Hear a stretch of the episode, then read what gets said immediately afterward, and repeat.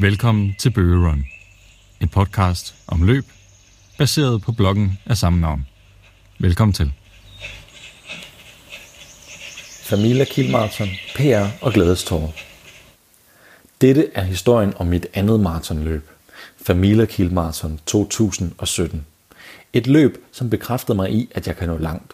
Meget længere, end jeg allerede er nået på nuværende tidspunkt. Historien er ligesom mange af mine tidligere indlæg et navlepillende og reflekterende skriv. Jeg er glad for, at du har klikket dig ind, og jeg håber, at du vil nyde historien lige så meget, som jeg nød turen. Planlægning. Forud for løbet var der gået flere måneder med nøje planlægning og træning. Alt blev vendt og drejet, så jeg som minimum kunne sætte PR.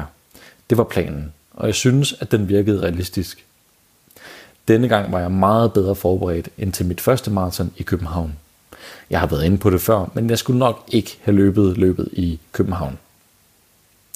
Dengang var kroppen ikke helt klar, men det var den nu til Kiel, der reelt burde have været mit første maraton.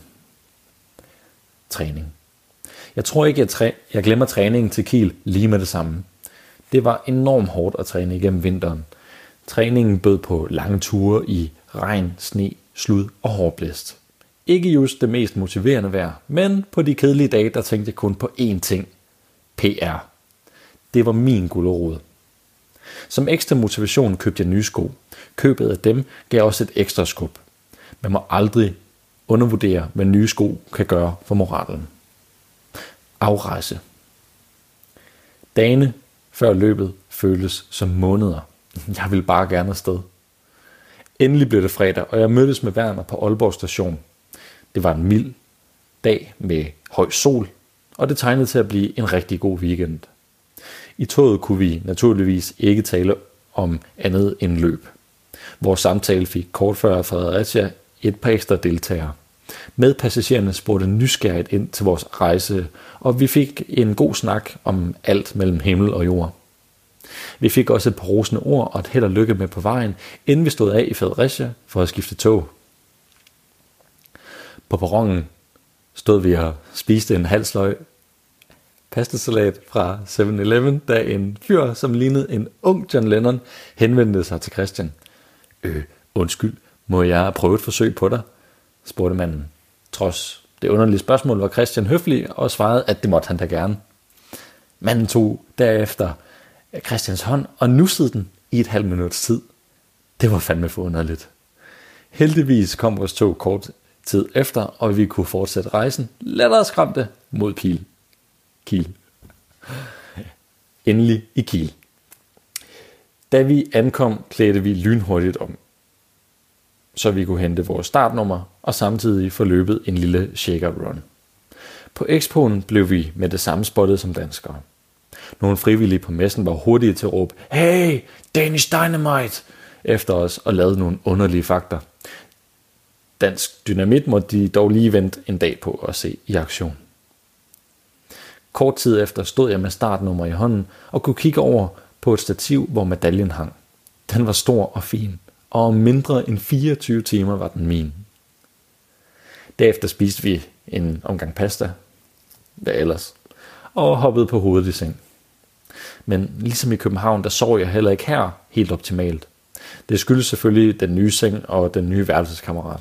Faktorer, som man bare må affinde sig med. Det, derfor har jeg også lært, at søvnen to dage forinden er enormt vigtig. Det er her, man skal få den gode søvn, hvis ikke man kan få den dagen før løbet. Til morgenmad havde vi købt en tysk mælk, som skulle på vores medbragte havregryn og mysli. Den smagte underligt. Bare min mave synes bedre om den end min smagsløg, tænkte jeg. I startområdet var der koldt. Lidt for koldt. Christian var nødt til at tage en ekstra jakke på overkroppen, og jeg måtte selv tage en hue på. Øv. Det var lige 5 grader for koldt til at være optimalt, men hellere det end for varmt, som i København sidste år. Nu er det nu. Da der var 5 minutter til start, afsluttede jeg min cruising sprints og snakkede derefter med Werner om, hvorfor vi måtte have en chip på vores sko, nu der ikke var nogen registreringsmåtte ved start. Nå, manden med mikrofonen kaldte folk til startstregen. Vi stod et stykke bagud i feltet, da starten gik, og jeg tændte mit ur, da vi passerede målstregen. Nu galt det. Den første kilometer løb vi for hurtigt. Jeg bad Werner om at sænke farten, selvom det egentlig føltes som et okay tempo. Fuck det, tænkte jeg efter 10 km. Jeg havde gode ben, så hvorfor ikke give den et skud?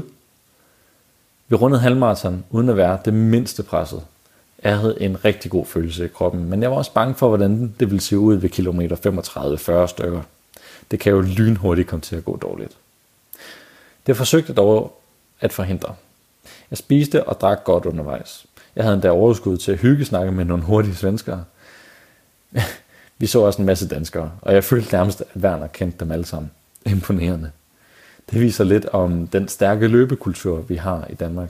At man kan kende løbere fra Sønderjylland, selvom man kommer fra Nord. Det er sgu et fedt sammenhold. Jeg kunne da også kende en enkelt. Det var Camilla Pedersen. Mange kender hende nok bedre som Løbemyggen fra Instagram. Da vi passerede Camilla for anden gang, havde vi forberedt et lille kampråb til hende. Det var godt med lidt rød-hvid opbakning blandt de mange svenskere og nordmænd. Støtten gik også den anden vej. Flere af de andre råbte motiverende ord til os, og det gav lige et ekstra gear. Tak skal I have. Nu var det blevet tid til en tissepause. Vi havde lagt ud i et rasende tempo, så der var masser af tid. Da jeg satte i gang igen, gjorde det ondt i låret. Jeg følte mig stiv, og jeg mærkede for første gang en smule modgang. Det gjorde ondt, og vi tabte meget tid, men jeg nægtede at gå. Trods den nu langsommere pace overhalede vi alligevel en tysker. Grund til at bemærke i ham var på grund af hans lidt specielle påklædning. Hans udseende kan vel bedst beskrives som noget lignende en hjemløs med sort og stort usøgneret hår og skæg.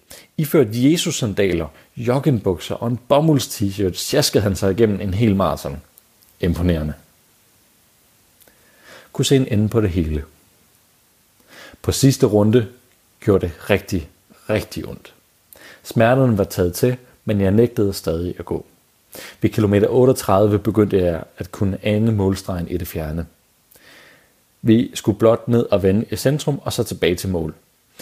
Jeg kiggede ned på mit ur, og jeg kunne se, at jeg var ved at løbe en fantastisk tid. Det gjorde mig endnu en gang emotionel. Jeg ved ikke, hvad det er med mig at løbe, men jeg har en tendens til, at, at det bringer tårne frem i mig. Christian råbte de sidste motiverende ord, inden vi kom ind på opløbsstrækningen. Det hjalp mig det sidste stykke. Omgivet af hvide plastikhegn kiggede jeg på den officielle tid. Den sagde 3.18.40, så jeg begyndte at spurte. Jeg vil bare gerne ind under 3 timer og 19 minutter. Jeg nåede det præcis ikke. 3.19.02. Øv. Nå, men til side med det. Jeg har stadig løbet en rigtig fin tid. En tid, som jeg kan være rigtig stolt af. Efter vi fik medaljen hængt om halsen, satte vi os på en bænk inden for ved Expoen. Der var godt nok langt ned til den bænk. Christian var en rigtig guttermand og hentede to alkoholfri øl til os hver. Den smagte guddommelig. Lige der, midt på en bænk i Kiel, der sad jeg med følelserne helt ude på tøjet. Tårne trillede endnu en gang, men det var helt okay. Jeg var bare pisse stolt. Efter et tiltrængt bad og en tur på Burger King, tog vi toget hjem til Aalborg. Vi var sent hjemme, men det var okay. Turen havde været rigtig god, og jeg havde en PR med hjem. Den sad lige i skabet. Jeg kunne ikke have gjort det uden Christian. Så tak for turen, ven. Du har lyttet til Bøge Run, en podcast om løb, baseret på bloggen af samme navn. For at finde flere informationer, tjek Instagram på handlet BOGERUN og Facebook. Vi løbes ved.